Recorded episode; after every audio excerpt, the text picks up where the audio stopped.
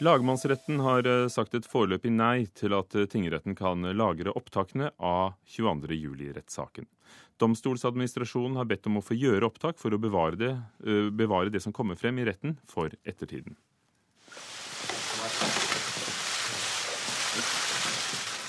Med hendene i håndjern og mens fotografene tar bilder, setter Anders Behring Breivik seg ned i en rettssal i Oslo.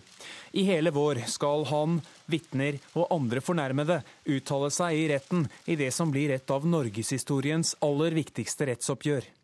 Hva slags muligheter skal samfunnet ha for å kunne se opptakene av rettssaken i ettertid? Nå har lagmannsretten sagt foreløpig nei til å la tingretten lagre opptakene av rettssaken mot Breivik i Riksarkivet sa reporter Haldor Asvald. Kjell Steffner, eh, du er advokat i firmaet Lynx og sitter i IKT- og personvernlovutvalget i Advokatforeningen. Du har lest denne kjennelsen. Og hva er det lagmannsretten legger til grunn når de nå opphever muligheten for å ta opp og lagre opptakene fra rettssaken? Ja, det de eh, sier først og fremst, det er det at uh, tingretten har glemt å se hen til personvernhensynet til vitnene i saken. Og de sier også noe om at uh, dette har å gjøre med uh, den europeiske menneskerettighetskonvensjonens uh, artikkel 8, som sier det at man skal ha beskyttelse for sitt privatliv. Og Det er altså to vitner som er blitt innkalt av påtalemyndigheten fordi de er tidligere bekjente av Breivik, som har anket Oslo tingretts avgjørelse om opptak og lagring til Riksarkivene. Men hva er det de kan risikere om dette materialet skulle bli liggende i Riksarkivet, og så da om mange år blir kjent? Ja, eh, tanken er igjen eh, det at eh, man, man, har rett til å få beskyttet uh, sitt personvern. Det, det, kan være det at uh, man forklarer seg f.eks. For uh, på en annen måte, hvis man vet det at man direkte vil kunne bli avspilt uh, for, for, ettertiden. At det vil påvirke måten man forklarer seg på. og personvernhensynet det står eh, meget, meget sterkt eh, i så måte. Så hvilke hensyn? altså På den ene siden har vi personvernhensynet, slik, slik, det er beskrevet også i Menneskerettighetskonvensjonen. Og på den andre siden, da? Ja, og på, på den andre siden så, så, har du da behovet for å få informasjon og innsyn i hva som skjer i rettsprosessen. Og det, det er for så vidt allerede ivaretatt ved at det er eh, et referatfrihet i norske domstoler. Så behovet igjen for å eh, kunne dokumentere dette ved TV eller radio på direkten, det har vi funnet ut at eh, i norsk eh, rettssystem så, så gjør vi ikke det. Men referatene holder? Altså, uh, altså, jo, altså det er jo referatforbud, men altså det er jo beskrivelser fra hva som har foregått? Ja, det er lov. Arne Jensen, assisterende generalsekretær i Norsk redaktørforening. Hva synes du om lagmannsrettens avgjørelse i dag, altså at dette ikke kan tas vare på?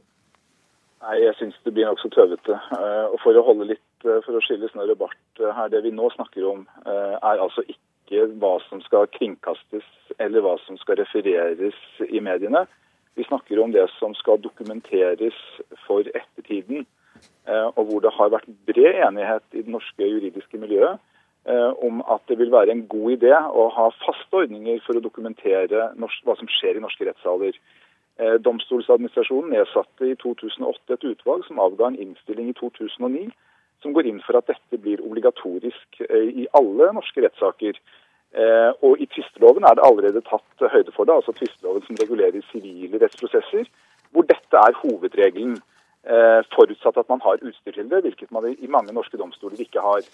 Det, men, men, enn så lenge så er det altså ikke hovedregelen i, i vanlige rettssaker, men så er det gjort nei, unntak i en rettssak som dette? Det, det, nei, det er helt korrekt, men desto mer oppsiktsvekkende er det hvis lagmann, lagmannsretten skal gjøre unntak for den kanskje viktigste straffesaken i Norge i etterkrigstiden, så skal man avvike fra det som det i det juridiske og til dels juridisk-politiske miljøet er bred enighet om at man bør innføre. Det er ganske oppsiktsvekkende. Kjell Steffner, hva kan skje nå? For nå er jo saken sendt tilbake. Ja, jeg, nå må jeg erkjenne det at eh, jeg befinner meg her eh, på veldig kort varsel og ikke har fått lest eh, kjennelsen så grundig. Men det, det det synes å grunne på denne kjennelsen her, det er at personvernhensynet ikke er drøftet utførlig. Betyr det at hvis tingretten kommer tilbake med en drøfting, altså de kan finne at det ikke veier tungt nok, så kan det likevel åpnes for eh, at det blir gjort opptak, og at disse blir lagret? Ja, Det vil jeg være veldig forsiktig med å uttale meg om nå, men eh, det kan meget vel være tilfellet. Arne Jensen, I kjennelsen her så står det altså at personvernet er ikke blitt drøftet. Eh, men det, kan jo, det behøver ikke bety et endelig nei? Nei, det tror jeg definitivt ikke. Og jeg tror uh, uh, mulig jeg skal driste meg ut på litt, uh, litt heftigere spekulasjoner enn de Stefner tør. For jeg mener ut ifra lagmannsrettens kjennelse er fullt mulig for tingretten å formulere en ny kjennelse som tar høyde for dette. Men bare til det med personvernhensyn, altså, og som Stefner ganske riktig sier, det er jo ikke noe, det er ingenting som indikerer at det vil bli lukkede dører eller referatforbud under disse to vitnenes forklaringer. Så alt de sier, og deres uh, identitet for den saks skyld, vil i utgangspunktet fra rettens side være uh, åpen informasjon. Så Det er altså selve den, den, dokumentariske effekten av lyd- og bildeopptak som vi snakker om. La meg bare minne om for ordens skyld at en vesentlig grunn til at Per Liland og justismordet mot han, at den saken kunne gjenopptas og oppklares, var at det var gjort et uautorisert lydopptak av Sten Ekeroth under hovedforhandlingen. Eh, så behovet for dokumentasjon i norske rettssaler Eh, det tror jeg vi skal være enige om. og I så fall er behovet ekstra stort i denne saken her. Ikke pga. Spørsmål om, eh, om hva som faktisk har skjedd, men pga. mulighet for å dokumentere en historisk rettssak. Så eh, et historisk behov, vil du si. Hvorvidt Kjell Steffner, går referatforbudet, og hva skal til for at det oppheves? Jeg må erkjenne at jeg ikke har fått med meg at det er et referatforbud. Nei, jeg sa, unnskyld, jeg sa det er ikke nedlagt med referatforbud. Det er ingenting som tyder på at det blir det heller. Nei, men, men referatfrihet det er nok, og det er noe ganske annet enn opptak. Like fullt så anerkjenner jeg de argumentene som kommer her, og det er vel ikke usannsynlig at vi får en runde til på dette.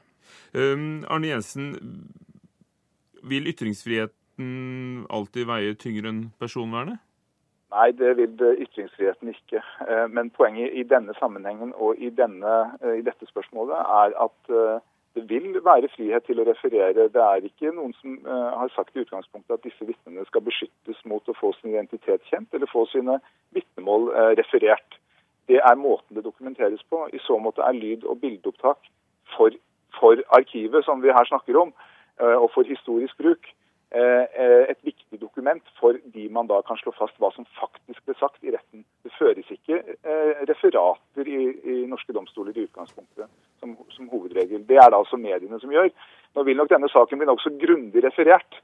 Men like fullt så handler det om at man har et autorisert, dokumentert og komplett opptak av hva som ble sagt under rettssaken. Jeg mener jeg har en historisk uh, verdi i seg selv. Betyr det Kjell Steffen, at dagens uh, kjennelse om at uh, personvernet ikke er drøftet nok, det er en juridisk spissfindighet mer enn noe annet? Ja, Det vil jo tiden vise, og jeg er, litt, jeg er spent på hvordan det vil bli håndtert i tingretten. Og vi vil nok se de samme argumentene drøftet om igjen. Takk skal dere ha, Kjell Stefner, medlem i Advokatforeningens eh, IKT- og personvernlovutvalg, og Arne Jensen i Norsk redaktørforening.